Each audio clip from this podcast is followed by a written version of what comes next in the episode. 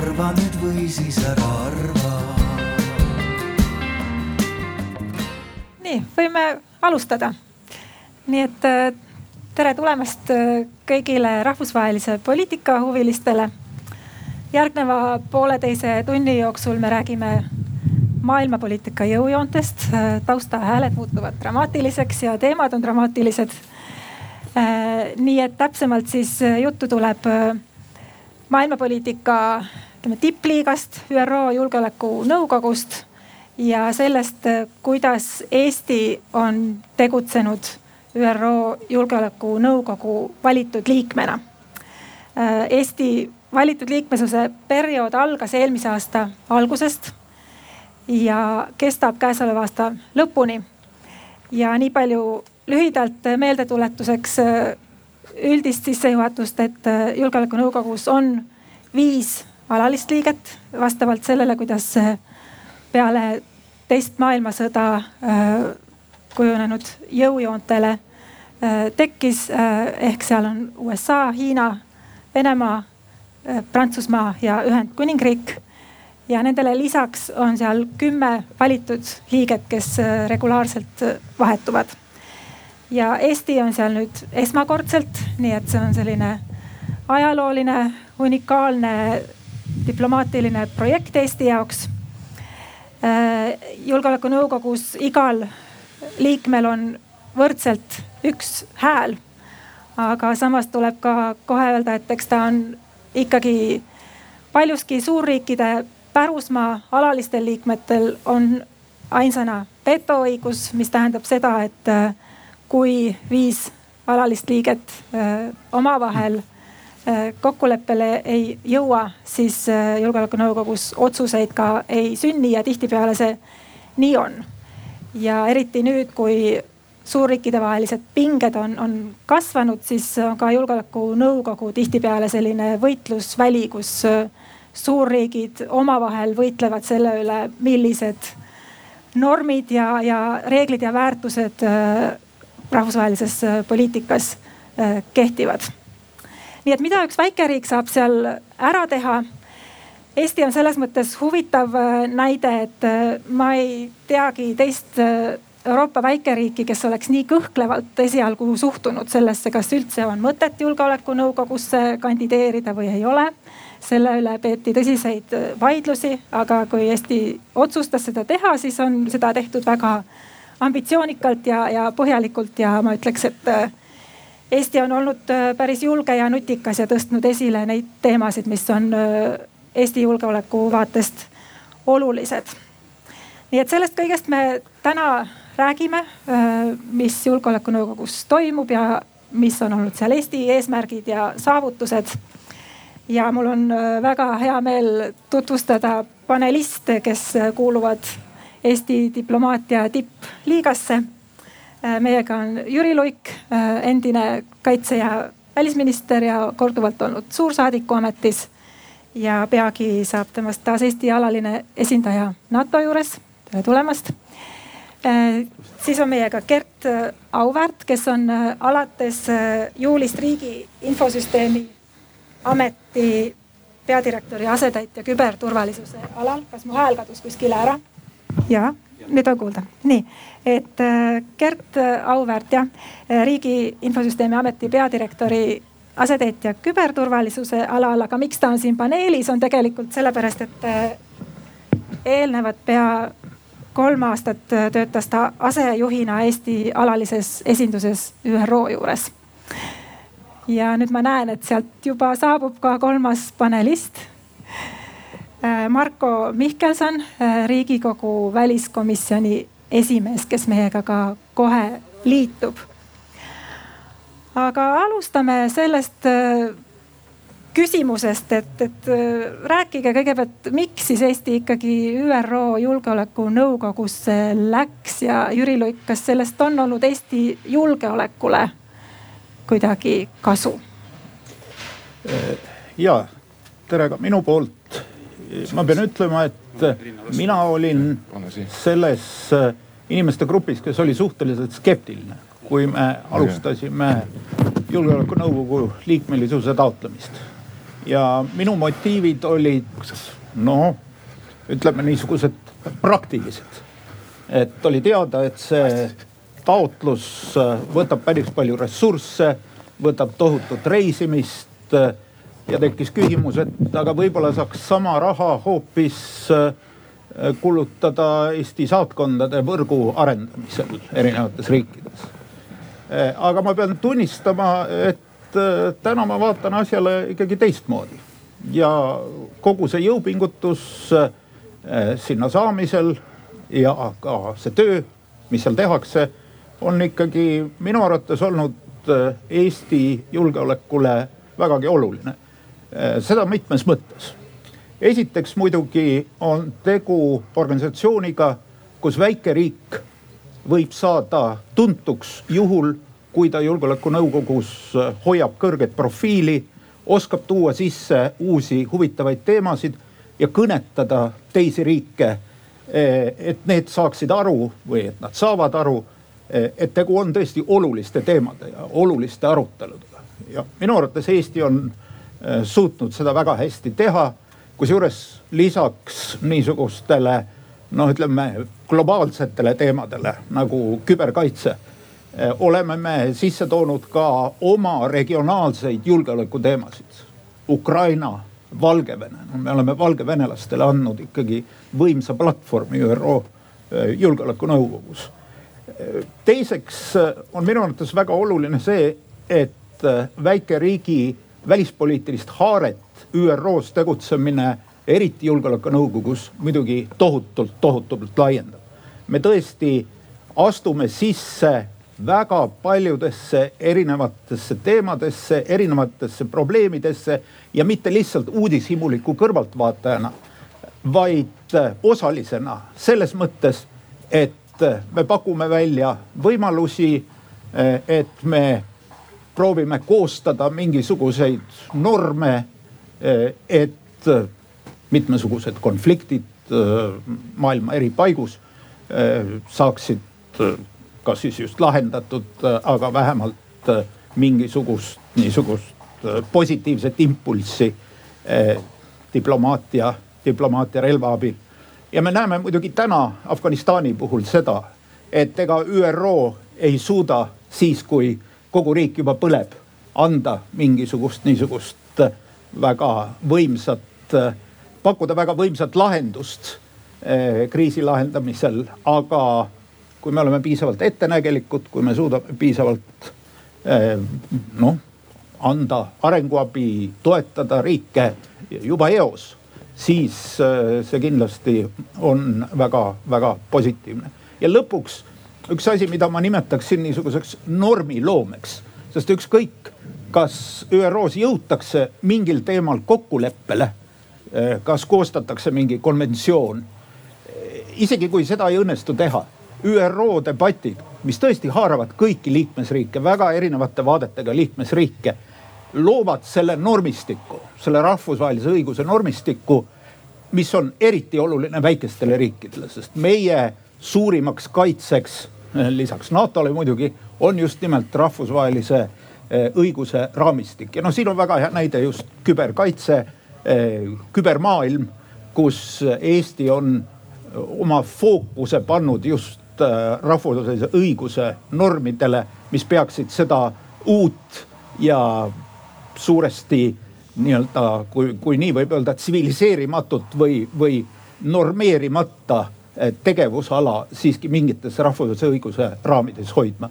nii et täna ma olen loobunud oma endisest seisukohast ja kinnitan, et ma usun, et see on olnud kasulik äh, rääkimata muidugi sellest, et see on andnud unikaalse kogemuse eh, tervele plejaadile Eesti diplomaatidele. aitäh. ja no see rahvusvaheliste normide loomine on ka see põhjendus, mida väikeriigid üldiselt kõige rohkem kasutavad. rääkides sellest, eh, miks nad kandideerivad julgeolekunõukogusse, mida nad seal saavutavad. et ÜRO-l on keskne koht nii-öelda reeglitel põhineva maailmakorra kujundajana ta teeb seda rohkem või vähem edukalt, hetkel äh, ei ole just olukord kõige parem, aga sellest me jõuame ka täpsemalt rääkida, et kuidas siis suurriikide vaheline võitlus ja, ja pinged õõnestavad rahvusvahelisi reegleid ja ÜRO tegevust. Aga Marko, kuidas sina tajud seda nagu oma töös, kas ÜRO Julgeolekunõukogu liikmeks olemine on parandanud Eesti rahvusvahelist nähtavust või kaalu? ja tere pärastlõunat ka minu poolt, et äh, muidugi on, loomulikult on, et äh, aga ma pean ütlema, et äh, ma kuulun Jüriga ühte parteisse mitte küll Isamaasse, aga, aga sellesse parteisse, kes arvas, et võib-olla tõesti see nii-öelda suurel õhinal ette võetud samm, äh, kas me, kas me kanname selle välja, aga ma olin päris algusest äh, veendunud ja kindel, et kui me, kui see meile midagi muud ei anna äh, selle rahvusvahelise nähtavuse, et kaks aastat olla siis ÜRO Julgeolekunõukogus väikeriigina, et see annab meeletu kogemuse meie diplomaatidele aga ma pean ütlema, et äh, nii Gert minu vasakul käel kui, äh, kui äh,, kui Sven, kui kogu meeskond nii seal New Yorgis kui Tallinnas ja ilmselt ka mujal teistes pealinnades, kus me saatkonnad on aidanud kaasa selleks, et neid positsioone ja seisukohti kujundada New Yorgi aruteludeks. et tegelikult ma isegi olen mõnevõrra üllatunud sellest ikkagi, kui pagana head diplomaadid Eestil on see on, see on, see on midagi, see on midagi erakordset tegelikult, sest olge, olgem ausad, et see, see kultuurikiht, mis meil ju on, on ju vaevalt kolmkümmend aastat. kolmkümmend aastat ei ole rahvusvahelises suhtluses sugugi mitte pikk aeg, diplomaatiline kogemus suurriikidel on aastasadade pikk, pikkune ja kogemus äh, sellisel tasandil käituda aga ma pean ütlema, et äh, kõik need briifingud, mida meie oma töös oleme saanud, väliskomisjon Riigikogus siis iga kuu meil on tavapärane ülevaade siis sellest, mis on tehtud, mis teoks ja, ja see ei ole lihtsalt mitte see, et, et punkt punkti haaval läbi käidud võib-olla mõned päevakorrapunktid, mis on olnud põnevad ja olulised, aga sõltumata sellest, kas me oleme siis olnud selle julgeolekunõukogu eesistuja milleks siis kahe aasta jooksul, kahe kuu äh, jooksul me olime, viimati siis äh, juunikuus. Vaid ka tegelikult tõesti läbi selle perioodi on Eesti, aga ma ütleks just ennekõike tänu meie diplomaatide professionaalsusele olnud äh, nähtav mitte ainult New Yorgis, rahvusvahelises ajakirjanduses, ka väga paljud need, kellega mina olen suhelnud teistes riikides või ka kohtumistel siis teiste riikide esindajatega, siis ei ole vaja iseendal olla noh, nagu meelde tuletada, et muuhulgas Eesti on ka praegu julgeolekunõukogu liige vaid teatakse Sven Jürgensoni, tema aktiivse tegevuse ja tema meeskonda tegevuse tõttu ja ka siis tõesti nende sammude läbi, mida Eesti on püüdnud julgeolekunõukogus käsitleda. muuhulgas siis tõesti esimest korda selliseid teemasid nagu küberjulgeoleku teemad ja võib-olla mõned muud küsimused, mis, mis ei ole jõudnud sellisele foorumile veel.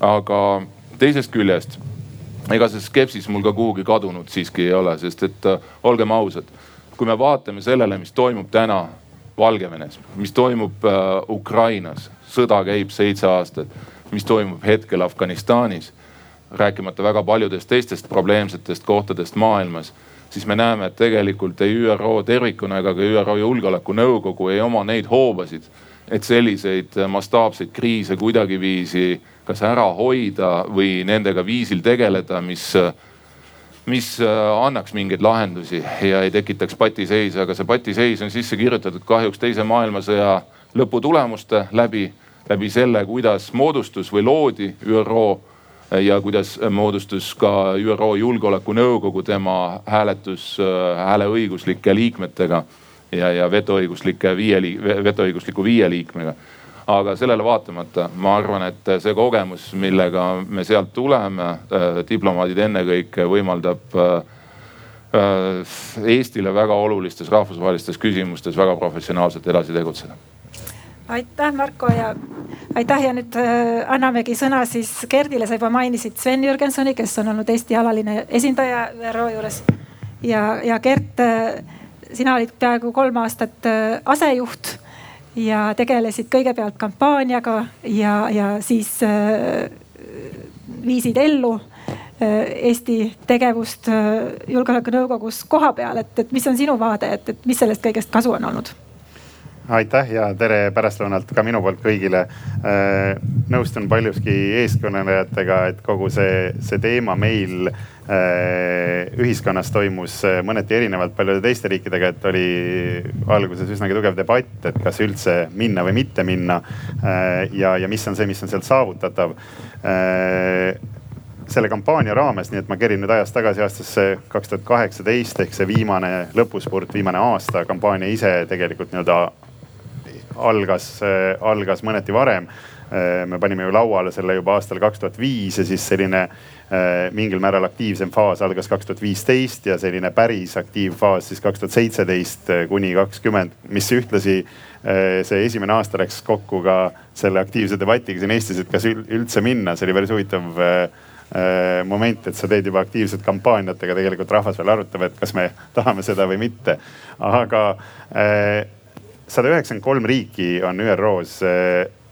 kõigi nendega kohtudes, ma arvan, kuus riiki jäi puudu mul äh, ja Svenil umbes sama palju. kõigi nendega mitu korda kohtudes sa saad aru, et kõigil maailma rahvastel on, on baasasjad, mis on samad. Nad tahavad, et neil on laual söök ja jook, nad tahavad, et nad elavad rahus, nad tahavad, et nende lapsed saavad kasvada üles rahulikus, turvalises keskkonnas, saada hariduse et see selline baaselement on meil siin planeedil Maa kõigil rahvastel üks ja sama, see koorub nende vestluste käigus ja sellise vahetu suhtlusega äh, välja äh, ja selle kampaania raames meie eesmärk oli näidata neile just seda sam samastumise, samastumise oskust ja kuulamise oskust ja nende vaatenurga oskust ja nüüd siin ma jõuangi selle erineva vaatenurgani või lähtenurgani. et kui siin meie inimesed, meie elanikud on ühe taustsüsteemiga, me, me, me, me räägime sellest, mis toimus meie, meie varasemas ajaloos, me räägime teisest maailmasõjast, me räägime sellest, mis meiega siin toimus, me räägime nendest lahingutest, kus meie vanaisad või, või kellel isad võitlesid, me räägime sellest, kuhu, kuidas, kuidas edasi oli see Nõukogude okupatsioon, me räägime taasiseseisvumisest ja me läheme sealt edasi.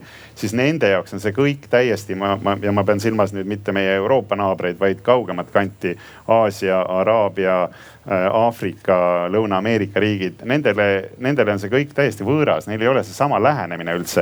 Ehk see esimene väärtus sellest harjutusest meile oli juba ainuüksi see, et istuda nendega maas ja mõnega nendest kujunes see vestlus circa kolmetunniseks, et et, et seletada, et minu vanaisa võitles Nõukogude armee poolel ja teisel pool oli tema vend, kes võitles Saksa armee poolel ja meie eestlased jäime lihtsalt sinna vahele.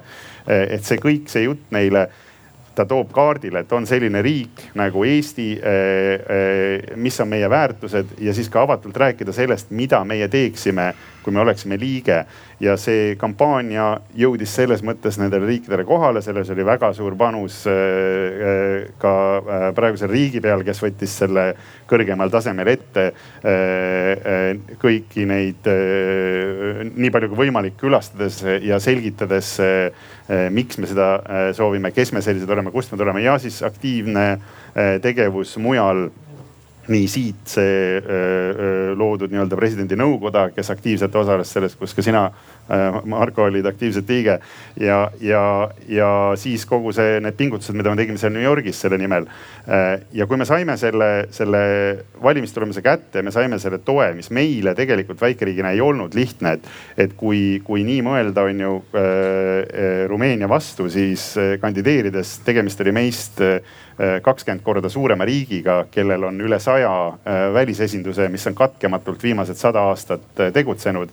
Versus siis Eesti nagu juhtisid tähelepanu kolmkümmend aastat äh, olles seda alles nii-öelda üles ehitanud ja circa neljakümne välisesindusega, siis see haare või see Taaveti koljati moment oli seal päris tugevalt sees kuni selle, kuni selle lõpuni.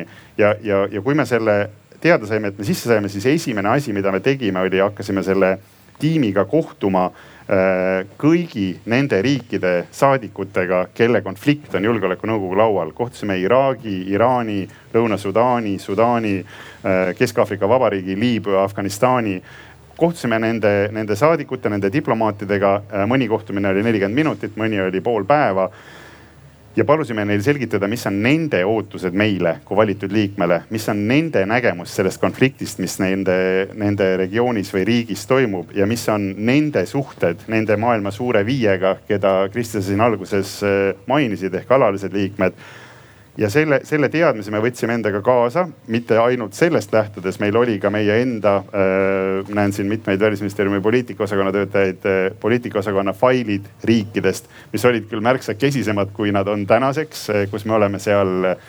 äh, üle pooleteist aasta liige olnud ja lisaks sellele siis meie Euroopa Liidu know-how, mis meile tuleb Brüsselist peale. Need kolm pusletükki me panime kokku ehk see, mida me kuulsime reaalselt siis nende riikide saadikutelt, meie enda senine nägemus ja see, kust me tuleme, pluss meie Euroopa liitlaste ja ka laiemalt transatlantiliste liitlaste vaade. enne kui me üldse hakkasime mingit seisukohta kujundama või sõna võtma äh, või, või seda nii-öelda juga juhtum, juhtima, kuhu see vestlus läheb. ja ma lõpetan selle punkti mõttega, et, et miks on see, miks see oli oluline ja, ja ma, mida ma endiselt leian, miks see on äärmiselt oluline olla Eesti-sugusel väikeriigil seal, see on äh, väärtused. Äh, mida rohkem on meiega sarnaste väärtustega riike julgeolekunõukogus, seda ühtsemalt, seda meile sobivamalt julgeolekunõukogu teatud küsimusi käsitleb. ja sa, Kristi, mainisid siin vetoõigust, tuues esile, et, et me ei ole ka võrdne võrdsega nõus. vetoõigus on nendel viiel alalisel liikmel, millega nad saavad blokeerida, aga selleks, et üldse midagi läbi suruda, on vaja üheksat häält selleks on vaja ka meie häält, et midagi läbi suruda või vastupidi äh, selle, äh, sedasama valemit vastupidi keerates on võimalik ka blokeerida ühegi otsuse või resolutsiooni läbiminekut, nii et, et see ei ole küll päris võrd, võrdne võrdsega, aga see vahe ei ole nii tuntav, kui lihtsalt puhtalt see sõna veto kõlama jätab. aitäh. ja, ja suur tänu. Äh, ma natuke tahaksin peatuda veel suurriikide vahelisel dünaamikal, enne kui me lähme siis konkreetsemalt nende teemade juurde, mida Eesti on äh, julgeolekunõukogus äh, lauale tõstnud me teame ise väikeriigina, meil on see kogemus, kuidas väikeriik võib jääda suurriikide hammasrataste vahele. Äh, samas selline aktiivne rahvusvaheline roll, muuhulgas ÜRO-s võib-olla aitab kaasa ikkagi sellele, et äh, see nii lihtsasti ei, ei juhtu aga kuidas see on nüüd äh, Eesti Julgeolekunõukogu liikmesuse ajal välja paistnud ja, ja Gert, ma kõigepealt küsiksin nagu sinu käest, et, et et on näha nagu selgelt see dünaamika, et Hiina ja Venemaa üha enam äh, koordineerivad oma seisukohti, on sarnastel seisukohtadel. statistiliselt on nagu kasvanud nende juhtumite arv, kus nad koos blokeerivad otsuseid või siis äh, ei, ei toeta mingeid otsuseid. ja, ja üha selgemalt on selline nagu lääne ja, ja teiselt poolt siis autoritaarsete suurriikide Hiina ja Venemaa vastandumine. kas me oleme nagu külma sõjalaadses äh, olukorras, et väga palju on neid konflikte, neid olukordi, kus äh, julgeolekunõukogu ei suuda otsuseid teha, kuna on selline suurriikide, eelkõige suurriikide, aga muidugi nendega koos siis ka nende väiksemate liitlaste vaheline lõhe ma tänan, hea küsimus, ma läheneks sellele kahetahuliselt nii-öelda makro ja mikrotasandil, et makrotasandil eh, nii, nii Äh, Venemaa kui Hiina mõlemad äh, pika äh, tugeva ajalooga suurriigid esindavad siiski selgelt kumbki oma huvisid nii julgeolekunõukogus kui laiemas maailmapoliitikas. see, et nende huvid aeg-ajalt ühtivad ja, ja see paistab välja siis ka julgeolekunõukogu hääletustes või, või ühises seisukohas Äh, tuleneb paljuski väärtustest ja sellest väärtusruumist, mis nad on. Need teemad on inimõigused ja nii mõnedki muud, kus, kus nende lähenemine ja vaatenurk äh, alati suveräänsus ennekõike ja siis kõik muu versus siis äh, samameelsete ja läänemaailma lähenemine lihtsalt põrkuvad ja, ja, ja see vaade on erinev. kindlasti on ka neid kohti, kus nad taktikaliselt tõesti kokku lepivad, kus on siis äh, äh, huvid on samad ja, ja see äh, konsultatsioon toimib. võib-olla parimaks näiteks on mitte julgeolekunõukogu ise, vaid äh, peaassamblee raames toimuv arutelu julgeolekunõukogu reformi üle ehk selle üle, millele Marko viitas, see teise maailmasõja äh, järgne olukord, kus need viis riiki on need alalised liikmed, kas aastal kaks tuhat kakskümmend üks nad ikkagi peaks olema või peaks seal keegi veel olema. siis seal nendes aruteludes on küll olnud tunda, et, et see käib lausa nagu üle aasta, et äh, ingliskeelse väljendina äh,, et kes on see aasta bad cop, et kes siis nagu blokeerib seda, et need uued sinna sisse ei saaks ja siis vahetub järgmine aasta on üks ja siis teine aasta on jälle teine. et, et, et selliseid kohti kindlasti on ja nüüd ma tulen sinna mikrotasandile, kus mis, mis võimendab seda kõike ülespoole, on see, et äh, Hiina ja Venemaa mõlemad äh, ÜRO sekretäriaadis, kus töötab kokku circa sada kakskümmend tuhat töötajat, on väga tugevalt esindatud ja nad on süsteemselt selle nimel aastaid töötanud, et enda inimesi sinna üha rohkem ja rohkem sisse saada. ehk see organisatsiooni sisekultuur on ka üks, mille läbi sa saad mõjutada ja suunata seda, kuhu kuhu teatud arutelud, kus teatud konverentsid toimuvad, kuhu suunatakse mingit raha. Eh, kõik see on eh, asi, milles, milles nemad on väga tugevad ja milles eh, Ameerika Ühendriigid, näiteks meie liitlane, viimased aastad ei ole väga aktiivne olnud ja see mõju seal on vähenenud. et selle punkti ma markeeriks ka siin, aitäh ja äh, Jüri, kuidas sina näed seda, ütleme ühelt poolt äh, Hiina ja Venemaa ja teiselt poolt USA äh, ja tema liitlaste vahelist äh, vastandumist ja kas ÜRO Julgeolekunõukogu nüüd on see koht, kus siis äh, Eesti võib saada sellist kogemust, mis aitab äh, meil kuidagi hakkama saada sellises maailmas? ja ma usun, et ÜRO Julgeolekunõukogus töö annab meile kindlasti niisuguse hea sissevaate sellesse, kuidas suurriikide huvid tegelikult põrkuvad ja võib-olla, mis veel olulisem, kus võiksid olla need kompromissikohad, kus äh, siiski suurriigid suudavad mingisugust koostööd teha. sest tihtipeale, kui me loeme meediast äh, suurriikide omavahelist jagelemist, siis tundub, et see äh, kompromissi koht on välistatud. midagi ei ole võimalik kokku leppida. aga kui me vaatame ÜRO Julgeolekunõukogus konkreetseid teemasid, siis me näeme, et ikkagi suudetakse kokkuleppeid teha. ja tegelikult suudeti ka külma sõja ajal, et meil on selles mõttes ka külmast sõjast natuke primitiivne ettekujutus, et siis olid kaks plokki, kes omavahel võitlesid ja milleski kokku ei leppinud. noh, näiteks on ju väga palju eh, rahuvalveoperatsioone, mis kestavad juba noh, võib öelda praktiliselt külma sõja algusest peale. ja need on kõik kuidagi kokku lepitud ÜRO Julgeolekunõukogus nii et selles mõttes äh, ÜRO Julgeolekunõukogu annab meile kindlasti niisuguse huvitava sissevaate ja olulise sissevaate ja ka õppetunni tulevikuks. teine teema on see, mida Gert äh, nimetas.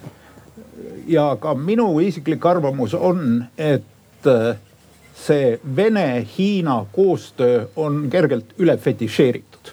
sellepärast eriti Hiina poolt tegu on ikka no ütleme eraldi tsivilisatsiooniga, riigiga, kellel ei ole liitlasi ja kes hindab väga kõrgelt oma otsustusvabadust. ja kui vaadata Pekingist, kui me vaatame Eestist, siis Venemaa tundub hiigelsuur ja väga võimas. kui vaadata Pekingist, siis Venemaa tundub küll territooriumilt hiigelsuur. seal võib naftat puurida ja vilja kasvatada ja mida Hiina ärimehed ka päris laialdaselt teevad. aga ta ei ole kindlasti võimas ja ta ei ole kindlasti mõjukas selles nii-öelda Hiina kategoorias. Eh, Putinil on selline olukord praegu, et kuna ta on sisuliselt eh, peaaegu kõik oma suhted läänega ära lõiganud tänu enda poliitikale Ukrainas eh, või Valgevenega seoses, siis ta mängib sellist mängu, et hiinlased on tema liitlased, et ärge muretsege. Äh, ega mul ei ole näpud põhjas, äh, lääs, teie ei taha minuga asju ajada, ma ajan asju hiinlastega.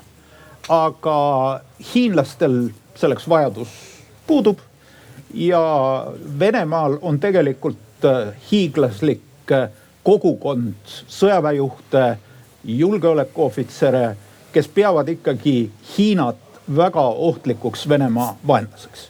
ma meenutan, et Hiina ja Nõukogude Liit eh, sõna otseses mõttes külma sõja ajal sattusid eh, tervesse reasse relvastatud konfliktidesse. tavarelvadega peetavatesse konfliktidesse.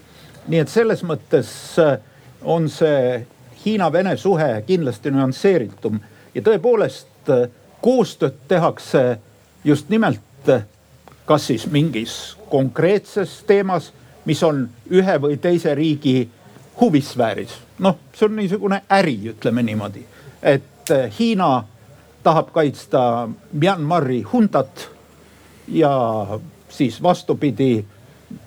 noh, Hiina toetab mingisugust Vene poliitikat Süürias näiteks, et, et see on niisugune trade-off. ja teiseks ja mis on tegelikult olulisem ja meile palju ohtlikum veel, on see nende koostöö eh, rahvusvahelise õiguse põhimõtete muutmiseks, et meie räägime noh, näiteks inimõiguste puhul me räägime universaalsetest inimõigustest või, või, või universaalsetest õigustest väga paljudes küsimustes. Äh, aga hiinlased ja venelased räägivad nii-öelda riikidevahelistest printsiipidest, kus riigil oma sisepoliitikas äh, ei ole sisuliselt piiranguid, ta võib teha ükskõik mida.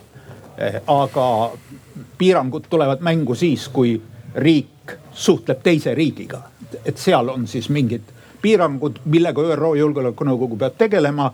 aga sellega, mis toimub riigi sees, noh näiteks Hiina puhul uiguurid. E, et e, siin väga selgelt hiinlased muidugi lükkavad selle arutelu tagasi ja kuna ka venelased ei taha loomulikult, et nende siseteemasid arutataks, siis siin leitakse väga, väga kiiresti üksmeel. aga jah kui Hiina suhted läänega paranevad või kui Venemaa suhted läänega paranevad, siis ma usun, mõlemad partnerid tajuvad, et kogu see allianss võib üsnagi kiiresti laguneda. et see ei ole rajatud mingile liitlassuhtele. Ja, ja tõesti ja allianss see päriselt ju ka ei ole. aga nagu sa viitasid, teatud väga üldiseid ühishuve Hiinal ja Venemaal on just nimelt suhtumine inimõigustesse, arusaam sellest, et suurriikidel äh, peaks olema mingi eelisõigus oma huvisfääris, arusaam suveräänsusest, arusaam sellest, et rahvusvaheline üldsus ei peaks sekkuma näiteks nende riikide äh, sisepoliitilisse olukorda, arusaam sellest, millised reeglid kehtivad näiteks küberruumis, mis on Eestile tähtis teema ja, ja üldse nagu soov äh, õõnestada lääne ühtsust ja, ja lääne äh, mõjukust. mis siis väljendub taktikalises koostöös äh, jah, mida siin ka juba mainiti. Ähm, ja kui me nüüd vaatame nagu lääne poolelt seda suurriikide vahelist suhet, Eesti sai julgeolekunõukogu liikmeks hetkel, mil USA käitus küllaltki ebatavaliselt ÜRO-s ja ei olnud eriti aktiivne, ei, ei tähtsustanud seda. ja, ja aitas omalt poolt äh, kaasa äh, siis sellele äh, lääne mõju nõrgenemisele ja ka sellele kuvandile, et lääs ei ole, ei ole enam nii tugev nagu varem et, et Marko, kas sa omalt poolt kommenteeriksid seda, et kuidas see USA tegevus on nüüd muutunud kahe aasta või pooleteist aasta jooksul, et, et kuidas me näeme, et viimasel ajal äh, on, on Bideni administratsiooniga on jällegi uutmoodi äh, mured meie regiooni vaatest. aga selline üldine hoiak äh, rahvusvahelise koostöö suhtes on, on kahtlemata väga teistmoodi kui, kui Trumpi ajal no Ameerika Ühendriigid tegelikult äh, ei Trumpi ajal, ei praegu Bideni ajal ega ka varasematel administratsioonidel ei ole äh, ütleme siis niiviisi ülemäära palju tähelepanu pööranud ÜRO-le või ÜRO Julgeolekunõukogu tegevusele. Ja loomulikult äh, äh, teravates küsimustes on Ühendriigid kohal ja, ja, ja noh, sõltuvalt siis sellest, milline on nende nii-öelda rahvuslikud huvid kontekstis, äh, nad on ka aktiivsed. ma saan aru, et uus äh, suursaadik, kes on praegu ÜRO-s Ühendriikide poolt, on väga professionaalne diplomaat aga ma arvan, et ikkagi Ühendriikide käitumine nii-öelda maailmapoliitika mõjutajana ennekõike lähtub sellest, mida arvatakse ja kuidas oluliseks peetakse Washingtonis ja, ja, ja projitseeritakse seda otse kas siis äh, otsesuhtluses või, või läbi, läbi liitlassuhte nagu näiteks NATO-s või, või mõnede teiste äh, nii-öelda otse läbirääkimiste kaudu või otse mõjutamiste kaudu, et Ühendriigid äh, no olgem ausad äh,, mitmeteski rahvusvahelistes organisatsioonides on, on praegu pigem olnud sellised äh, noh Nad, nad ei ole leidnud näiteks Maailma Kaubandusorganisatsioonis väga tugev vastas, vastasseis Hiinaga äh, mõnel, mõnel pool mujal nagu näiteks Maailma Tervishoiuorganisatsioonis äh, ja nii edasi.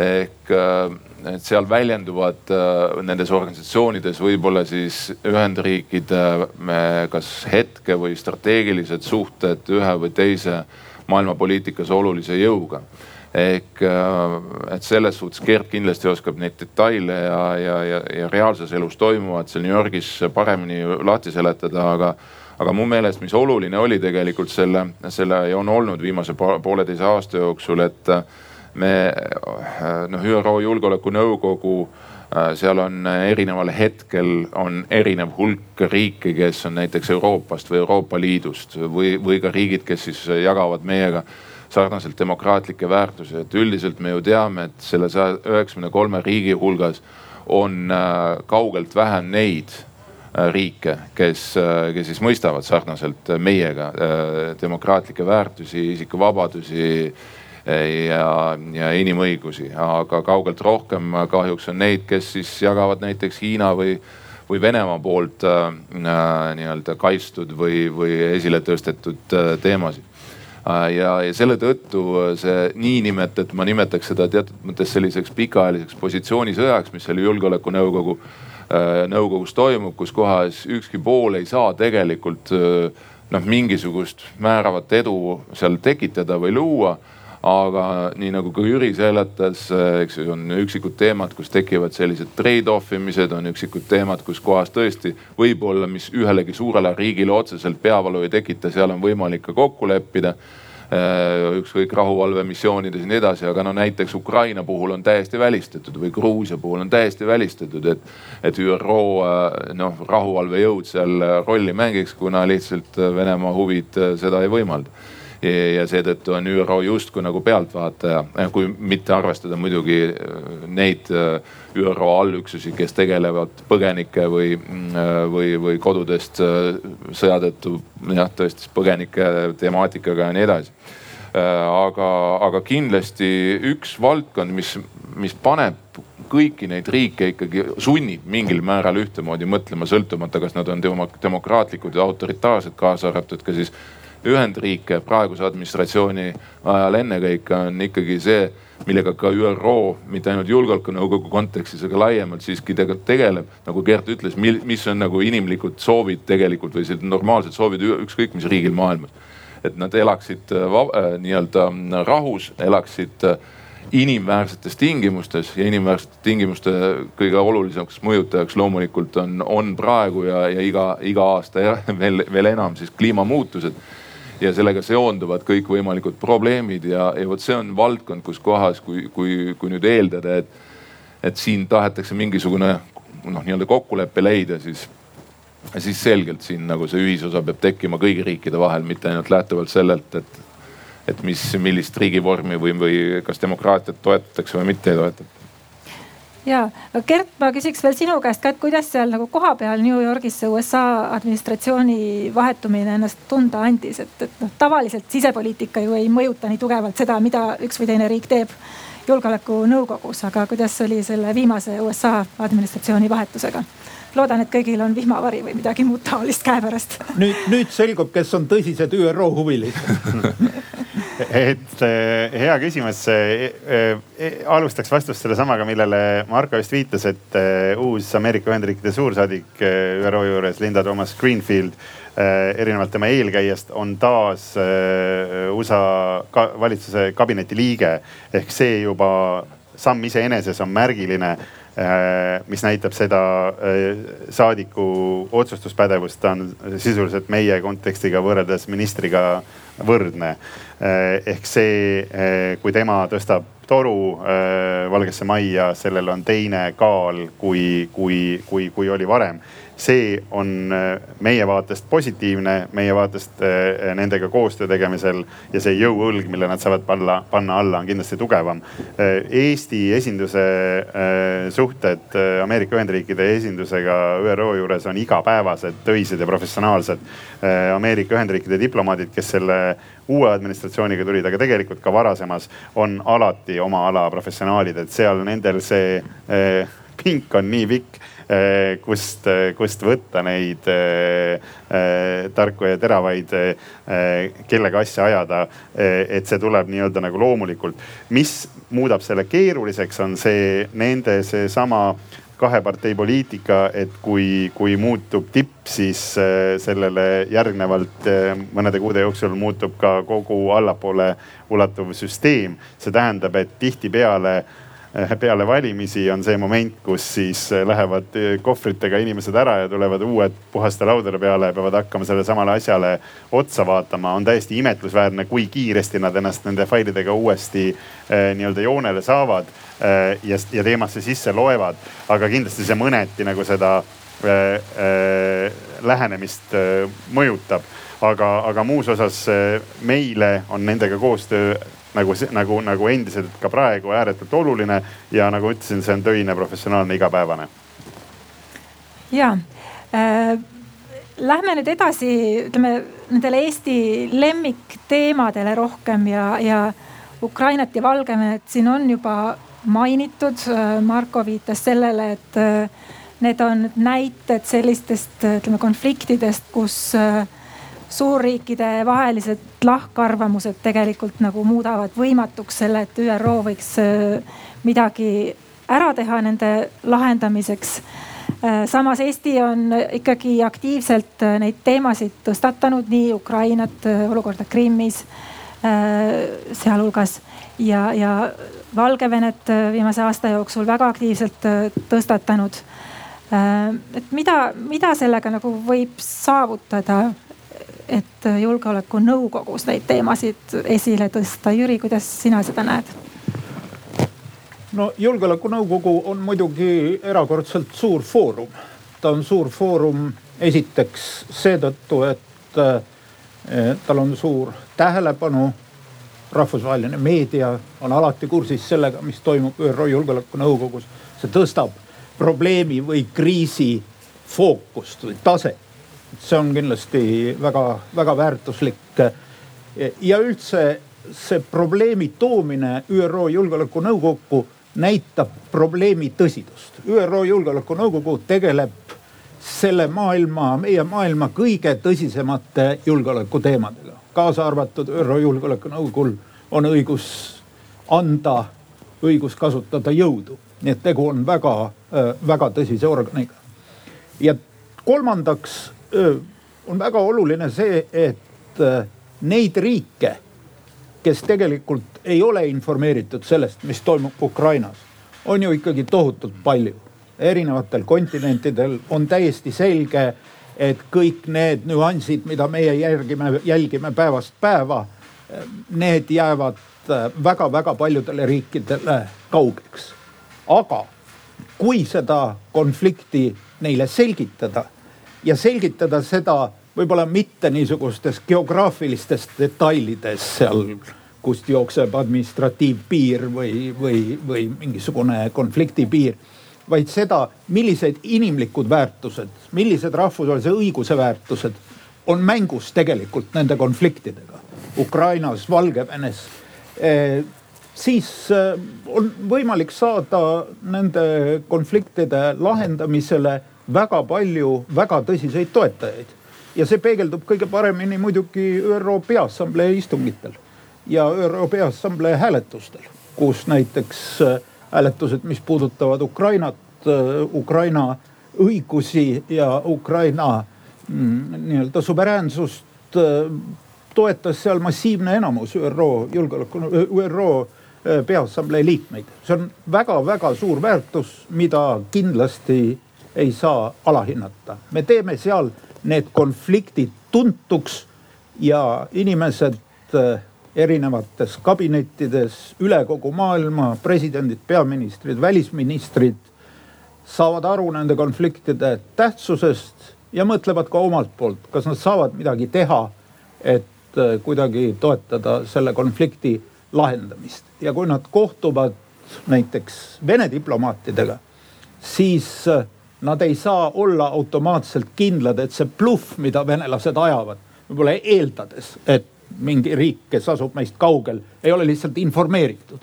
ja, ja, ja neile võib ajada igasugust jama sellest, mis nii-öelda jutumärkides tegelikult toimub Ukrainas.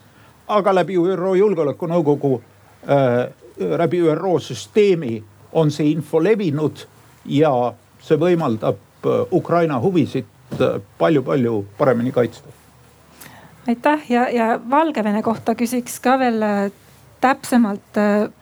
hiljuti külastas Eestit Valgevene opositsiooniliider Svetlana Tsihhanovskaja ja tema eraldi veel kiitis Eesti panust julgeolekunõukogu raames. Eesti on pakkunud seal foorumit Valgevene opositsioonile oma seisukohti esitada Äh, ja, ja selle nimel äh, pingutanud, et seda teemat äh, rahvusvahelise üldsuseni võimalikult laialdaselt tuua. et, et Marko, ähm, kui oluliseks sa seda pead, et, et kas, kas Eesti saaks ja kas Eesti saaks veel midagi nagu teha julgeolekunõukogu raames, et Valgevene opositsiooni püüdlustele kaasa aidata? no kõigepealt äh, ma luban sind äh, natukene sulle vastu vaielda mm. -hmm. et äh, Svetlana Tsihhanovskajat mina ei pea opositsiooni liidriks. mina pean Tsihhanovskajat äh, Valgevene rahva presidendiks, kes valiti eelmise aasta üheksandal augustil. aga kuna Lukašenko lihtsalt äh, röövis talt selle valimise, siis äh, ta on täna kahjuks emigratsioonis ja peab võitlust Valgevene vabaduse eest väljaspoolt piire et, äh, et siin on hästi oluline minu arvates meil endil ka nagu mõelda, et mis mõttes, et me ei tunnusta Lukašenkat kui äh, presidenti, siis kuidas saab temal olla mingisugune opositsioon, et järelikult äh, ikkagi ma käsitleks Tsihhanovskajat ennekõike kui vaba Valgevene rahva liidrit. aga ta on väga tänulik, alles esmaspäeval, kui ma olin siis Vilniuses osalesin äh, esimese aasta möödumisel nendest sündmustest, demokraatlikust äh, siis rahvarevolutsiooni algusest Valgevenes.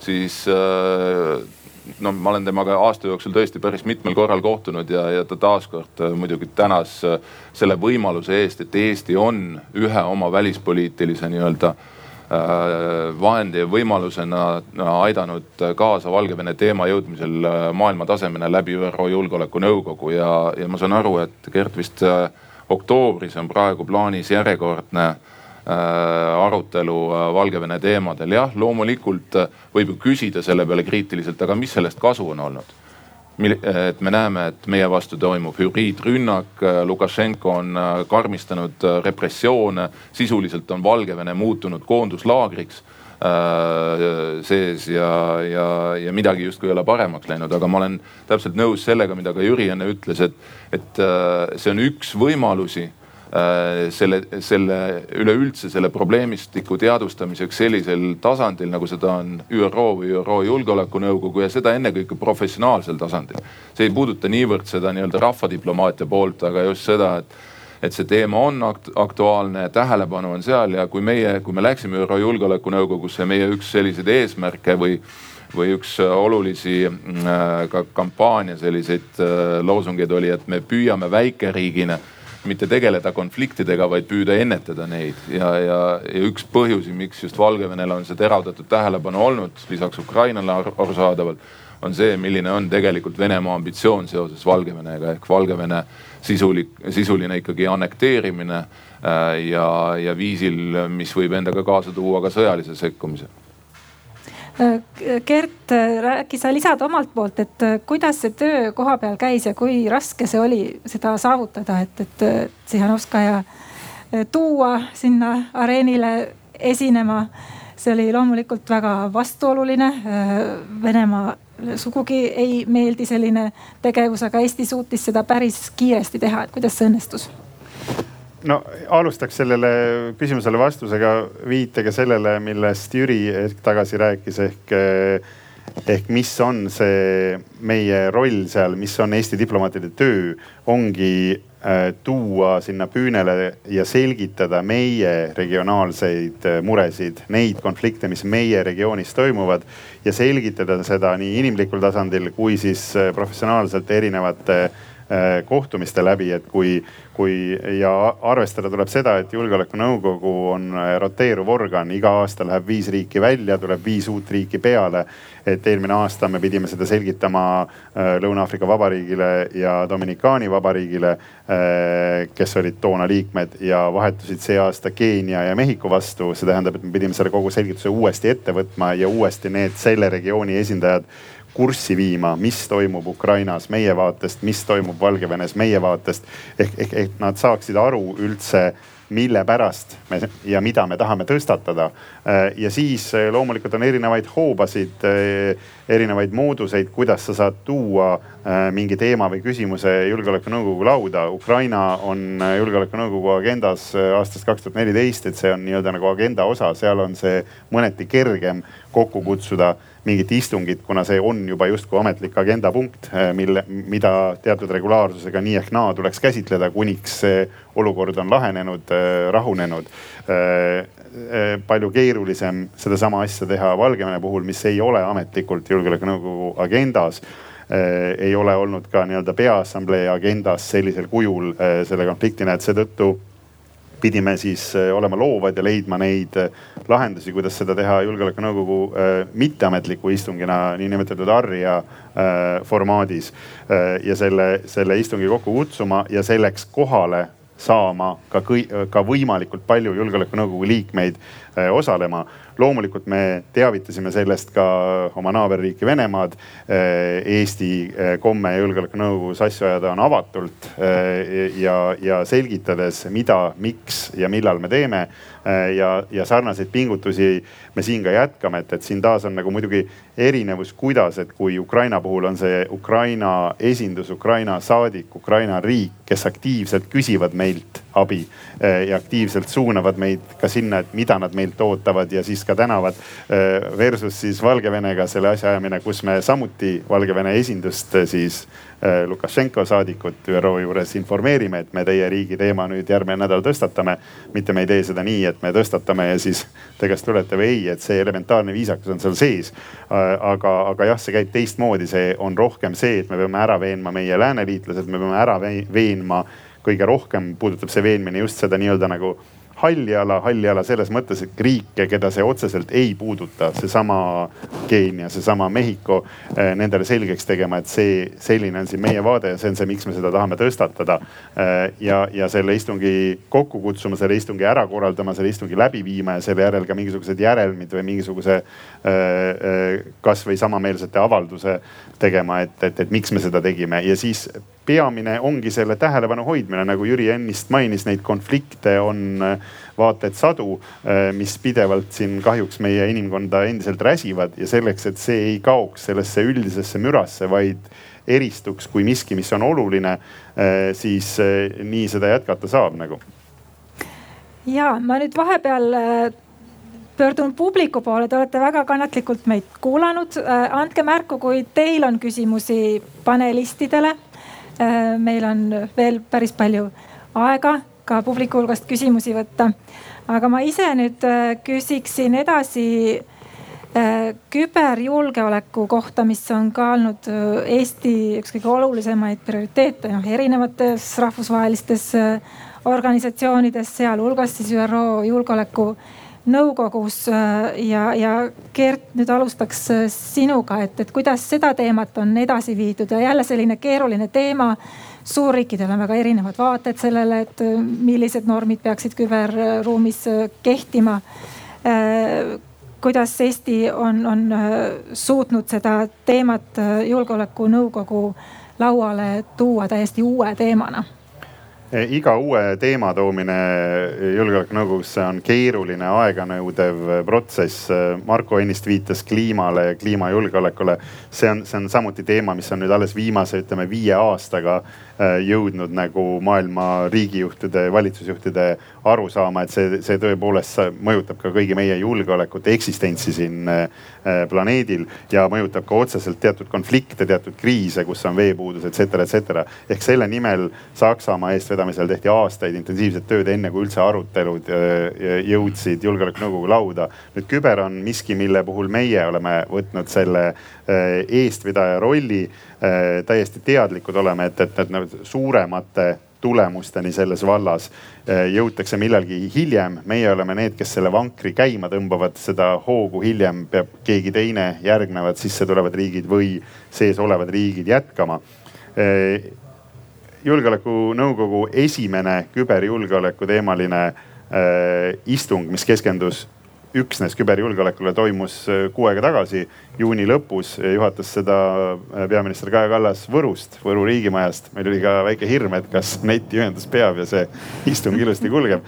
kulges õnneks ilusti, ei olnud küberrünnakut sellel päeval äh, ja, ja see selles osas nii-öelda ajalugu on tehtud, aga selle istungi toimumiseks eelnes kaheksateist kuud eeltööd nende riikide, nende diplomaatide, nende esindajate veenmisega, et selline arutelu selle küsimuse osas on oluline, et küberjulgeolek äh, aastal kaks tuhat kakskümmend üks on globaalse julgeoleku arhitektuuri osa, on äh, küsimus, mida ÜRO Julgeolekunõukogu peab käsitlema äh,. aasta varem tegime ühe siis mitteformaalse istungi samal teemal ja sellest ajendatuna siis, siis, siis see, et, et meie eesmärk ongi seda selles mõttes nagu peavoolustada või seda, seda sinna teadvusesse tuua, et ka küberohtudest tulenevalt võib konflikt võtta sihukesed mõõtmed või, või ta võib mõjutada eh, kas siis ohtu inimeste elule, heaolule, tervisele eh, ja seda, see, see väärib käsitlemist ka sellel kõrgeimal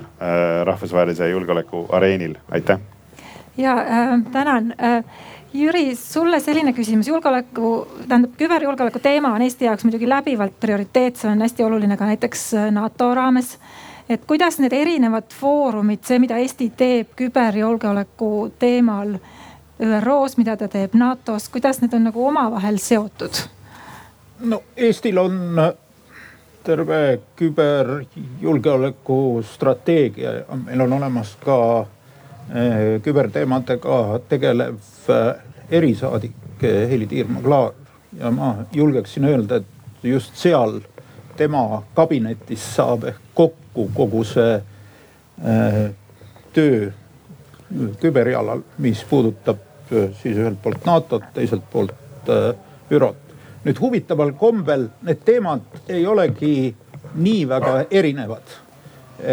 vähemalt ühes aspektis nii NATO-ga seoses, kui me räägime eh, küberkaitse kompetentsikeskusest kui ka ÜRO-s me räägime väga palju sellest, milline peaks olema see rahvusvahelise õiguse normistik, mis siis võimaldab reguleerida kübersfääri, aga võimaldab reguleerida ka eh, no ütleme kübersõda või küberkonflikti eh, nagu ka konventsionaalse sõja puhul on olemas konventsioonid, on olemas reeglid, mis äh, piiravad selle konflikti äh, tegevust, äh, tsiviilohvreid ja nii edasi, nii edasi. samad probleemid tekivad ka kübersõjas. nagu te võite ette kujutada, tänapäeval kübersõja võimalused on sellised, et nad põhimõtteliselt võivad tekitada ka massiivselt inimohvreid näiteks. nii et äh, selle kõigega tuleb arvestada ja sellega tegeleb siis NATO küberkaitsekeskus Tallinnas ja tegelevad ka meie äh, diplomaadid äh, ÜRO juures. ÜRO-s on, kui ma ei eksi, esimene komitee, ei, esimene komitee, mis just tegeleb sellise normistiku väljatöötamisega. aga NATO küberkaitsekeskuses äh, on jällegi väga suur panus pandud äh, sellistele rahvusvahelise õiguse kogumikele, mida nimetatakse Tallinna käsiraamatut, Tallinn Manuals. Neid on praegu kaks tükki. peab olema erakordne entusiast, et need läbi lugeda. Eh, nüüd kirjutatakse kolmandat ja kuigi, nagu ma ütlesin ka enne, rahvusvahelises õiguses on tänapäeval väga palju teemasid, kus riikide omavahelised pinged ei võimalda kirjutada mingit no, niisugust klassikalist ÜRO konventsiooni kus kõik kokku lepitakse, mis on muidugi ideaalvariant alati. siis rahvusvahelise õiguse selle niisuguse raamistiku moodustab ka kogu muu töö, mida tehakse nende reeglite kokkuleppimisel ja kuna Tallinna manual kirjutatakse kokku väga paljude eri riikide, väga paljude eri rahvaste tippspetsialistide poolt, kes tegelevad nii küberkaitsega kui ka rahvusvahelise õigusega Eh, siis nendel dokumentidel endil on juba normiloov väärtus. Eh, ja sellepärast eh, töötavad NATO küberkaitsekeskus ja meie meeskond ÜRO-s väga tihedalt koos just nimelt samade eesmärkide, selle rahvusvahelise õiguse teema sissetoomisel. seal on väga palju teravaid küsimusi, mida on väga raske normeerida. ma toon ühe näite, see ei ole seotud nüüd võib-olla konkreetse ÜRO probleemistikuga. Äh, no näiteks, millised õigused või võimalused on rünnata teise riigi tsiviilobjekte. oletame näiteks, et üks riik otsustab rünnata teise riigi kogu tsiviillennundust, kaasa arvatud kahjustades otsustavalt lennujuhtimist, mis tekitab meeletu katastroofi. tänaste vahenditega on see põhimõtteliselt võimalik. see on põhimõtteliselt võimalik. nüüd küsimus tekib, kuidas noh, see, see on seesama sõjaõiguse küsimus, eks ole. kuidas hoida tsiviilelanikkonda äh, sõja noh, tulemuste või, või sõja traagika eest.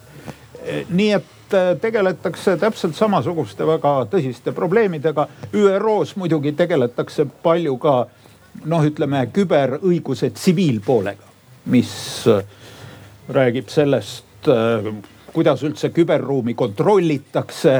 Noh, te kujutate ette, et maailmas on terve hulk riike äh, nagu totalitaarsed riigid, eriti Hiina tänapäeval, kes sooviksid kogu küberruumi allutada niisugusele väga karmile äh, kontrollile, mis võimaldab neil põhiliselt kontrollida iseenda kodanikke. Äh, ja noh, kasutavad ka ÜRO-d selle debati pidamiseks ja kindlasti on see asi, mida äh, sellised liberaalsed riigid nagu Eesti ju proovivad iga hinna eest vältida. ja aitäh, jõudsime jälle Hiina ja, ja lääne vastandumiseni tagasi, aga nüüd publiku hulgast ma näen, Kirsti Närinen äh, soovib esitada küsimuse või, või kommentaari. kas? ja aitäh, ma päris algusest ei olnud kohal, et võib-olla seda juba käsitleti, aga ma, ma olen hetkel siis Helsingis resideeruv suursaadik, Soome suursaadik Armeenias, Aserbaidžaanis ja Gruusias, Georgias ja seal oli ju sõda ja ma tean, et ÜRO on delegeerinud selle Mägi-Karabahhi värgi OSCE-le, et see ei otseselt ei, ei ole nüüd mu küsimus. aga ka Gruusias on okupeeritud alasid, hetkel Armeenia ja Aserbaidžaani piiri peal käivad tülid ja sellepärast, et keegi ei tea, kus see piir nüüd läheb, jookseb. et kuidas teie näete, kuidas on selle rahvusvahelise õiguse meetmed ja mõju, jõu trendid hetkel? Sellepärast, et tundub, et igal pool rikutakse rohkem rahvusvahelise õiguse reegleid ja rohkem, kui neid austatakse. Ja see on nüüd eriti just need suurriigid, mida, kes seda teevad ja Venemaa ees reas meie valdkonnas ja ka selles Lõuna-Kaukaasia valdkonnas, aga ka mujal ja Hiinal on ka nagu tundub, et ta tahab nagu mõjutada nii, et oma reegleid sisse tuua. et kuhu, kuhu me oleme teel võttes arvesse, et väiksetele riikidele nagu Soome ja Eesti see rahvusvaheline õigus on nagu eriti suure väärtusega. aitäh. aitäh, sul oli selline hästi suur küsimus ja samas konkreetne küsimus siis äh, Gruusia kohta, mis on ka olnud teema, mida Eesti on julgeolekunõukogus äh, tõstatanud. Äh, Marko, äkki alustame sinust seekord? no ma ütleks nii, et kõik, mis toimub Vene impeeriumi aladel, endise Vene impeeriumi aladel, äh, jääb ÜRO Julgeolekunõukogu ukse taha. et noh, selles mõttes ukse taha, et seal äh, küll räägitakse, tõstatakse teemasid, aga põhimõtteliselt julgeolekunõukogu no peale moraalsete pidurite enamaks võimeline ei ole tänu Venemaa vetole. Venemaa või ka Hiina vetole aga, aga see, mida sa küsid, see on äh, täiesti äh, noh, me sil-, nii-öelda silme, meie silme ees toimub, et äh, mis puudutab siis tõesti normide ja rahvusvahelise õiguse põhimõtete noh testimist, kui pehmelt öelda, aga kindlasti ka soovi kehtestada mingisuguseid oma reegleid ja põhimõtteid ja norme siin äh, paar aastat tagasi, mõned aastad tagasi, kui käisime Genfis väliskomisjoni delegatsiooniga sealses ÜRO esinduses, siis üks äh, väga kogenud ja, ja pikaajaline äh, diplomaat Rootsist, kellega me kohtusime äh,. no tunnistas otse, et ega, ega meil vist muud midagi sellel avatud ja demokraatlikul maailmal üle ei jää, et me peame hakkama mõtlema ja aru saama kas ikka need universaalsed inimõigused, mis suuresti lääneriikide nii-öelda mõjutusel ja, ja otsustamisel said kunagi paika pandud, et kas need täna eriti Hiina tõusu mõju ja ambitsiooni arvestades äh, kehtivad ja kas on kuskil ruumi, kuhu, kuhu nii-öelda uuesti kokku tulla ja üle vaadata need, et äh, no ma ütleks niiviisi, et, äh, et see pinge maailmas praegu selliste diplo diplomaatilise maailmasõja kontekstis äh, kindlasti kasvab. Äh, sest ütleme, kui ikkagi viimase ÜRO, kui võtta ÜRO kontekstis, siis neljakümne viiendast aastast alates ikkagi on maailma mõjutanud suuresti üks riik Ameerika Ühendriigid, siis äh, peaasjalikult viimase kümnendi jooksul kuskil alates seal viimasest sellisest äh, lääne, läänepoolsest finantskrahhist kahe tuhande kaheksandast, üheksandast aastast on selgelt kasvanud Hiina ambitsioon. ja Hiina ambitsioon täna on selline, mida me ajaloost ei oska, ei oska nagu ühtegi võrdlusjoont tuua, sest et mitte kunagi varem pole Hiina maailmas oma võimu nii kaugele oma piiridest projitseerinud. ta on alati noh, nagu Jürigi enne rääkis Hiinast, tal ei ole kunagi ühtegi liitlast, ta ei vaja seda, sest Hiina impeerium on piisavalt tugev ja ressursirikas olnud alati selleks, et ise hakkama saada. aga me näeme täna, et, et ta tegelikult kombib väga-väga tuntavalt piire, kus on mängus ka meie julgeolekuhuvid või rahvuslikud huvid ja siis on küsimus, et äh, ja teisest küljest ütleme, kui me vaatame, mida Venemaa diplomaatiajuhid räägivad eesotsas välisminister Lavroviga. Äh, et noh, te räägite siin mingitest oma põhimõtetest või, või õigustest ja nii edasi, et noh, Venemaa kehtestas oma põhiseaduses oma seaduste ülim, üle, ülemulikkuse rahvusvahelise õiguse või rahvusvaheliste lepete üle, nii et, et selles suhtes ma ütleks, et see mänguväli on äh, äh, segi ja, ja, ja võitlus käib tegelikult nende uute piirjoonte loomise eest ja seetõttu on ülioluline meil Eestil ja Soomel hoida kokku nendega, kes tegelikult meie väärtusi jagavad ja need, äh, seda, seda rahvusvahelist õigust oluliseks peavad, mille eest me, mis meid on nii-öelda vabana hoidnud. Gert, kas sa nõustud sellega, et äh, Gruusia teemal julgeolekunõukogul ei ole üldse mingit rolli? Äh, otseselt ei nõustu. Äh, e-, eelmine nädal äh, viimati kutsus Eesti kokku Gruusia teemalise istungi või tõstatas selle julgeolekunõukogus eraldi punktina. kolmteist aastat möödunud siis Vene-Gruusia sõja algusest. ja, ja saadi taaskord maha ka samameelsete avaldusega. loomulikult meie naaberriik selle avaldusega ei liitunud ja esitas seal oma retoorikat, aga see ongi diplomaatia, eh, oma sõnumite kõlama jätmine, oma laulu, oma refrääni eh, valjemalt esitamine. Eh, Gruusia teemal nad on alati väga tänulikud meile, kui me neid, kui, kui me nende teemasid seal esitame, aga see mõneti võib-olla see mäng käib rohkem äh, valdkonnas, millele Jüri ennem viitas ehk Peaassamblee ja need peaassamblee iga-aastased resolutsioonid, seal Gruusia riigi kõrgem juhtkond ja diplomaadid küll igal aastal loevad näpuga järge täpselt, et kas me see aasta saime kuuskümmend kaheksa või seitsekümmend kaks riiki, kes meie resolutsiooni toetas.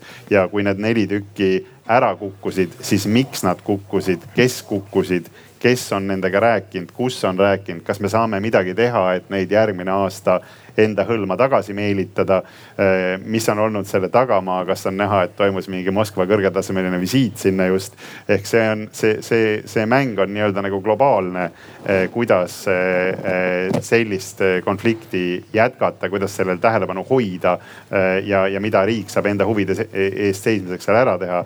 teine teema, mida mainisid, oli Mägi-Karabahh, selle konflikti areng ja siis see kiire lõppmäng äh, oli ka meie väga terava tähelepanu all ÜRO-s, puudutas meid väga vahetult. tegemist oli tegelikult ikkagi väga suure suurjõudude clash'iga. Ühelt poolt siis Aserbaidžaan, Türgi, teiselt poolt siis Armeenia, Venemaa.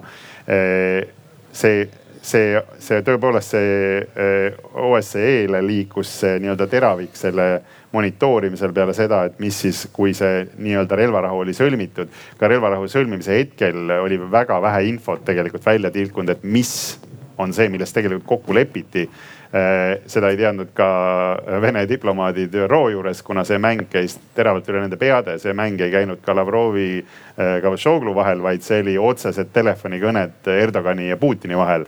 ehk sellest üldse teadsidki kaks inimest pluss võib-olla mõned nende nõunikud, kuidas see kogu see asi seal lahendati ja kuidas see asi nii kaugele üldse, üldse arenes, aga, aga väga murettekitav ta meie vaates sel hetkel oli ja me kindlasti jätkame selle, selle jälgimist, et kuidas see, kuidas see asi seal edasi areneb, aitäh. nii nüüd Jüri ja siis Marko.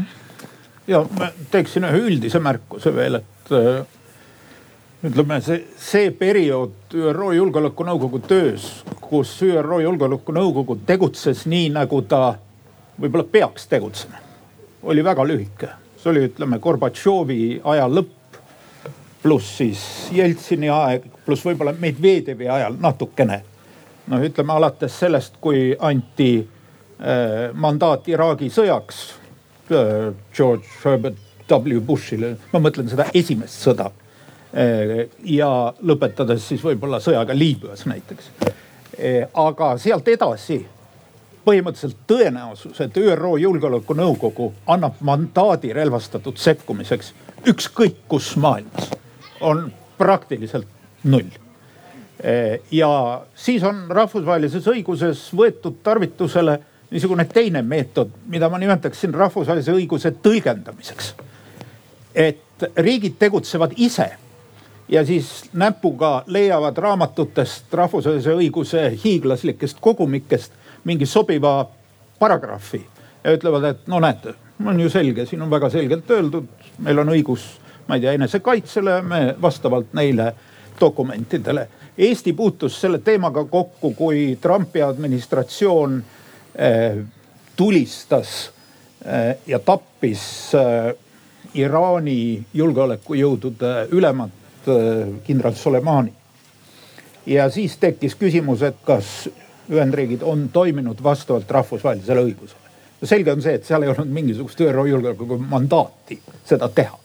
aga siis oli niisugune kaudne tõlgendus, et äh, Ühendriigid tegid seda enesekaitseks, sest Sulemani potentsiaalne tegevus tulevikus äh, oleks võinud seda riiki ohustada. ja noh, ütleme, et see on niisugune väga lai konstruktsioon.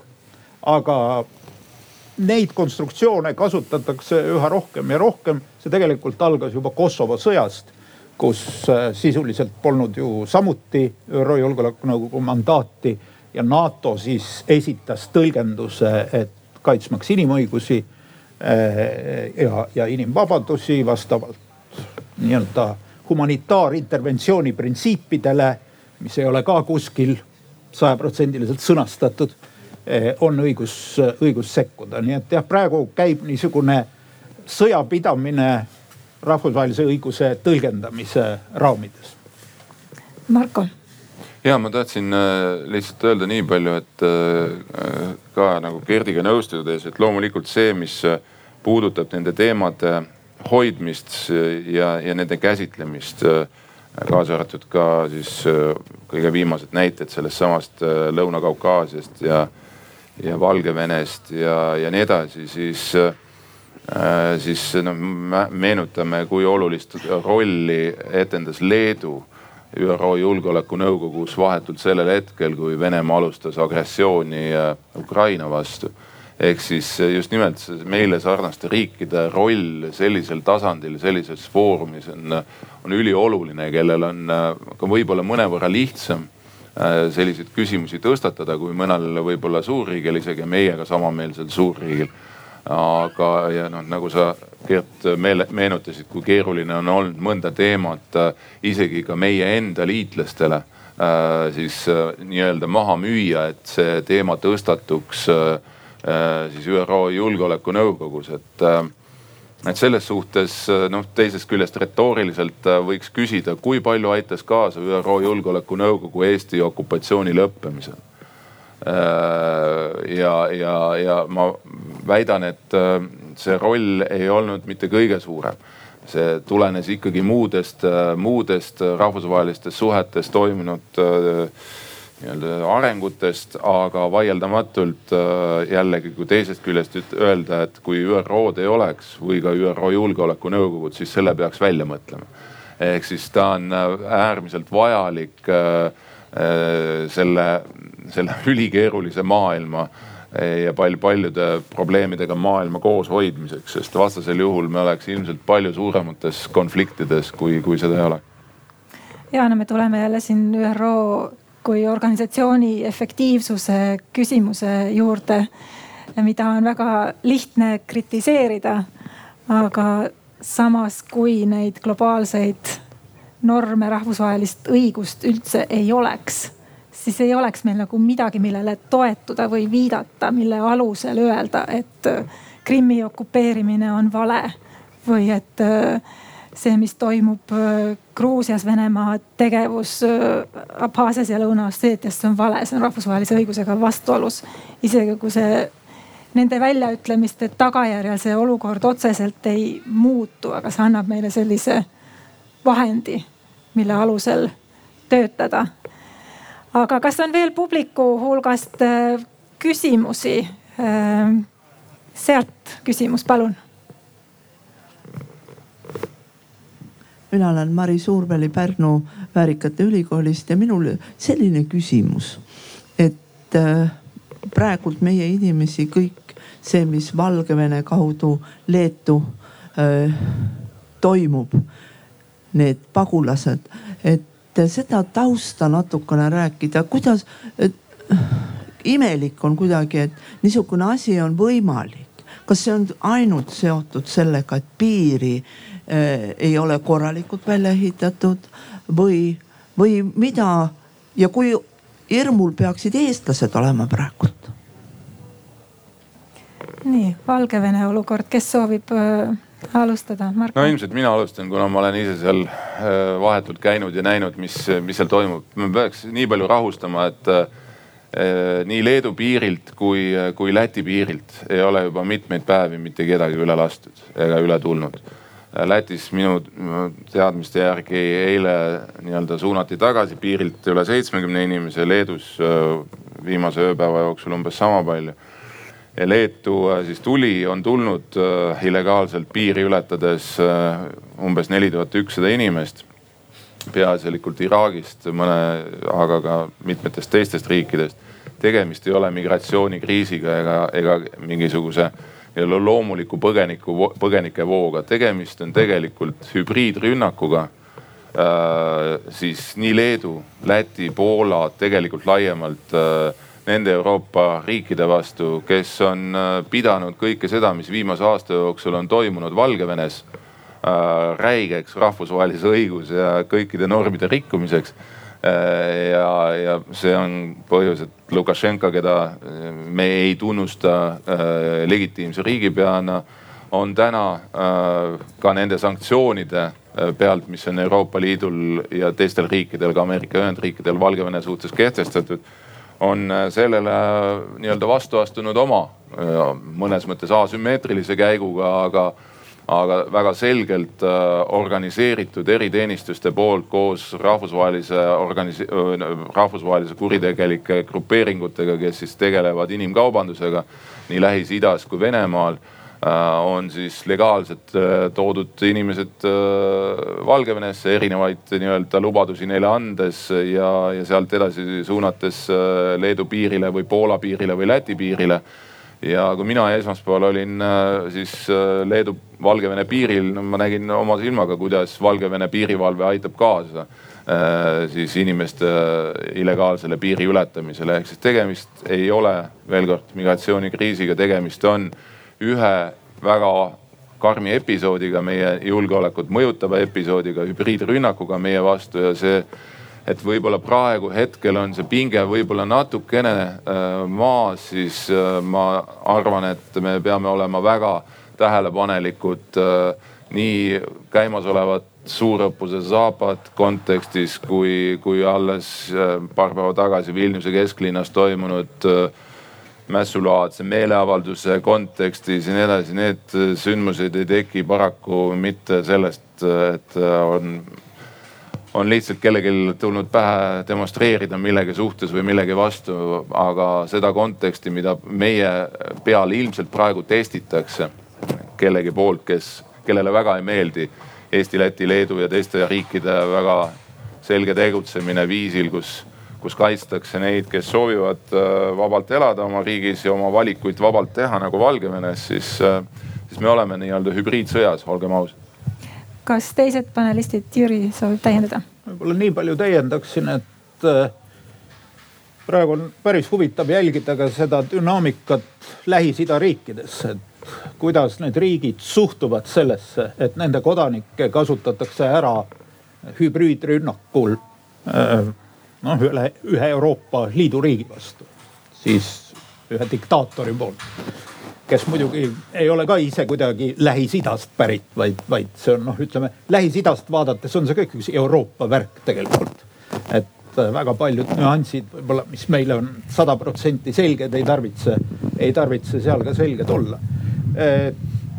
Iraagi puhul tundus ikkagi pikka aega, et äh, Vene valitsus annab tuge Iraagi nendele jõududele, kes olid huvitatud sellise transpordisilla loomisest. Äh, ja, ja tegelikult äh, oleks võinud ju arvata, et hiiglaslik majandusabi, mida Euroopa Liit annab Iraagile ja hiiglaslik sõjaline abi, mida USA annab Iraagile, et seoses sellega need lennud lõpetatakse nagu mm, noh kiiresti ja, ja väga selgelt. sest nii Euroopa Liit kui USA tegid selle üsnagi selgeks Iraagi valitsusele aga ei lõpetatud. nii et järelikult olid seal sees ikkagi väga keerulised jõumängud, mis äh, garanteerisid, et ikkagi väga pika aja jooksul lendasid suured-suured äh, lennukid Bagdadi lennuväljalt äh, ja tõid Minskisse siis neid nii-öelda põgenikke. nüüd Lukašenko otsib, nüüd kus Iraak on oma lennud ajutiselt, nagu iraaklased ütlevad, ajutiselt kinni pannud otsib Lukašenko uusi võimalusi teistes riikides, Pakistanis, Liibüas, mujal, kust siis alustada samasuguseid lende eh, Euroopa suunas. Eh, ja see on muidugi väga ohtlik tendents, eriti nüüd, sest põgenikke on tulemas, eriti muidugi eh, Afganistanist. noh, iseküsimus on, et kuhu need Lukašenko lennukid peaksid maanduma, et neid Afganistani põgenikke üles korjata, aga küll need, küll need äh, lahendused leitakse. E, ja loomulikult on alati võimalik tuua põgenikke Põhja-Aafrikast, Liibüast ja nii edasi. nii et äh, praegu tundub küll, et Lukašenko on ikkagi otsustanud sedasama äh, strateegiat jälgida. ja noh, milline on Venemaa roll siin, siin tuleb mingil määral spekuleerida, aga noh, selge on see, et Venemaa annab Lukašenkole tuge, on, on, seisab nii-öelda, on see suur karu, kes seisab Lukašenko selja taga. Äh, ja on ka selge, et äh, Moskvas vaadatakse suure huviga seda, kuidas areneb see hübriid, hübriidkonflikt ja kindlasti pannakse palju kõrva taha sellest, mis praegu toimub aitäh ja siit tahaks kohe edasi küsida laiema küsimuse selle kohta, kuidas üldse me peaksime edaspidi olema valmis selleks, et migratsiooni kasutatakse relvana, et mida selleks teha, et sellist ohtu tõrjuda edaspidi paremini. aga sinna meil ei ole aega praegu minna. kas on veel soovi üks küsimus äh, esitada publiku hulgast? nüüd on viimane, viimane võimalus. ja palun aitäh, mina olen Johannes Merilai. ma tahtsin pärida võib-olla sellise välispoliitika ja sisepoliitika seoste kohta, et äh, aastaid tegelikult me oleme vaadanud välispoliitikat natuke nagu sisepoliitikast eraldiseisvana, kuidagi sellise õilsamana ja kõrgemana sellisest igapäevapoliitilisest kemplusest, et. et aga mingite viimaste aastate jooksul on see nagu rohkesti muutunud, et näiteks ma ei tea, võtame pagulaskriisi või, või kasvõi siin viimasest ajast need Valgevene küsimused või ka Hiina või ka ÜRO ränderaamistiku küsimus et, et ja kui me viimase aja Eesti sisepoliitikat vaatame, siis on suisa saanud selline nagu hüüdlause, et me peaksime tõstatama selle konkreetse küsimuse ÜRO Julgeolekunõukogus. et kas see, sellel protsessil on mingisugust õigustust, on see asjade paratamatu käik, on see hea, on see halb? et mis teie mõtted selles osas on? nii, nüüd jõudsime sellise suure küsimuseni, sisepoliitika mõju Eesti välispoliitikale ja kas see kuidagi ka julgeolekunõukoguga seoses on äh, väljendunud? kes alustaks? ma võin alustada, et äh, võib-olla äh, esmalt reageeriks seda, et iseenesest on ju positiivne, kui välispoliitika on ka jõudnud mingil määral orbiiti ka sisemistes aruteludes, aga seda siis senikaua, kui see ei muuda meie äh, nii-öelda pikaaegseid äh, väärtuseid, mida, mida me välispoliitikas oleme nagu järjepidevalt äh, esindanud Euroopa Liidu liikmesus, NATO liikmesus ja see väärtusruum, ruum, see lääne väärtusruum, milles me opereerime, milles meie liitlased opereerivad. ja millele me oleme üles ehitanud enda, enda liitlassuhted Äh, seda, kas iga küsimust tuua julgeolekunõukogusse, äh, ma, ma siiski ütleks, et, et võib-olla ei ole päris nii, et on, on äh, üks haamer, milleks on julgeolekunõukogu ja kõik probleemid on naelad, mis tuleb sinna sisse lüüa. et kindlasti on ka neid muid foorumeid ja platvorme, millel eluliselt olulisi küsimusi arutada, aga ma annan siin sõnajärje üle. Kellele sa annad? Jürile okay.. no fakt on see, et äh, kõige rohkem äh, sisepoliitikat puudutavad muidugi teemad, kui me räägime noh, näiteks Eestis puudutavad teemad, mis on siis väga teravalt seotud eelkõige Venemaaga, Venemaa tegevusega. Äh, samal ajal näiteks huvitaval kombel meie rahvusvahelised sõjalised missioonid ei ole terava arutelu objekt, erinevalt väga paljudest teistest riikidest kus küsitakse väga tõsiselt, miks on meie äh, väed siin, miks on meie väed seal erinevatel väga kaugetel maadel. Eestis valitseb selles osas suhteliselt lai konsensus ja endise kaitseministrina oli see mulle muidugi ainult äh, rõõm. Äh, ja siis on kindlasti teemad, mis on parema sõnapuudusel ma nimetaksin neid nii-öelda kultuurisõdade teemad. Ja, ja migratsioon on muidugi üks sellistest, kus eh, noh, ala, alati, alates terminoloogiast, mida sa kasutad selle probleemi kirjeldamises, kuni noh, teemadeni välja, see kõik on äh, keeruline ja kindlasti peegeldab äh, sisepoliitika, peegeldub ka välispoliitikasse. Ja tegelikult ma arvan, vahel seab ka päris keerulisse olukorda meie diplomaadid. Äh, sest noh, viimane asi, mida nad tahaksid pidada, ma arvan, rahvusvahelistes organisatsioonides oleks mingid kultuurisõjad. et see, see kindlasti ei ole, see kindlasti ei ole hea, aga samas ma Gerdiga olen nõus, et noh, see asjaolu, et palju rohkem räägitakse välispoliitikast ja et inimesed on huvilised, et, et kutsutakse aruteludele. noh, ma kuulen Markot kogu aeg nii-öelda arutelude keskpunktis, et see on minu arust fantastiline. Marko, sul on viimane sõna. ja ei ma arvan, et tegelikult asi väga hull ei ole, no muidugi tuleb arvestada, et eks me sisepoliitikas oleme ikkagi kaevunud päris kohati noh, nii-öelda kaevikutesse sügavale ja, ja kui sealt antakse sellist nii-öelda pimesi tuld, siis ega sealt sellist ühisosa kaasa arvatud ka välispoliitikas teinekord on äh, raske tekkima, eriti kui seda on ideologiseeritud viisil, mis natukene viib meid kaugemale nendest väärtustest, millele Gert äh, just vihjas, et miks meid on hinnatud liitlaste poolt, meile kõige olulisemate liitlaste poolt riigina, kelle eest on valmis nende sõdurid surema ja see on, see on asi, mida me peame alati meeles pidama, see on tegelikult miski, mis on hoidnud meie Eesti välispoliitikat kolmekümne aasta jooksul. no sisepoliitikas on see kolmekümne aasta jooksul käinud läbi ju väga noh, selliseid parajaid torme siit-sealt ja kolmandalt poolt, aga ma peaks ütlema, et üldiselt kaasa arvatud ka praegu, no minu väike kogemus viimasest kahekümnest aastast ütleb, et, et neid küsimusi, kus kohas me tõesti näiteks väliskomisjonis parlamendis oleme noh pidanud nii-öelda tõsiselt argumenteerima, debateerima, püüdma leida seda siis nii-öelda seda ühisosa.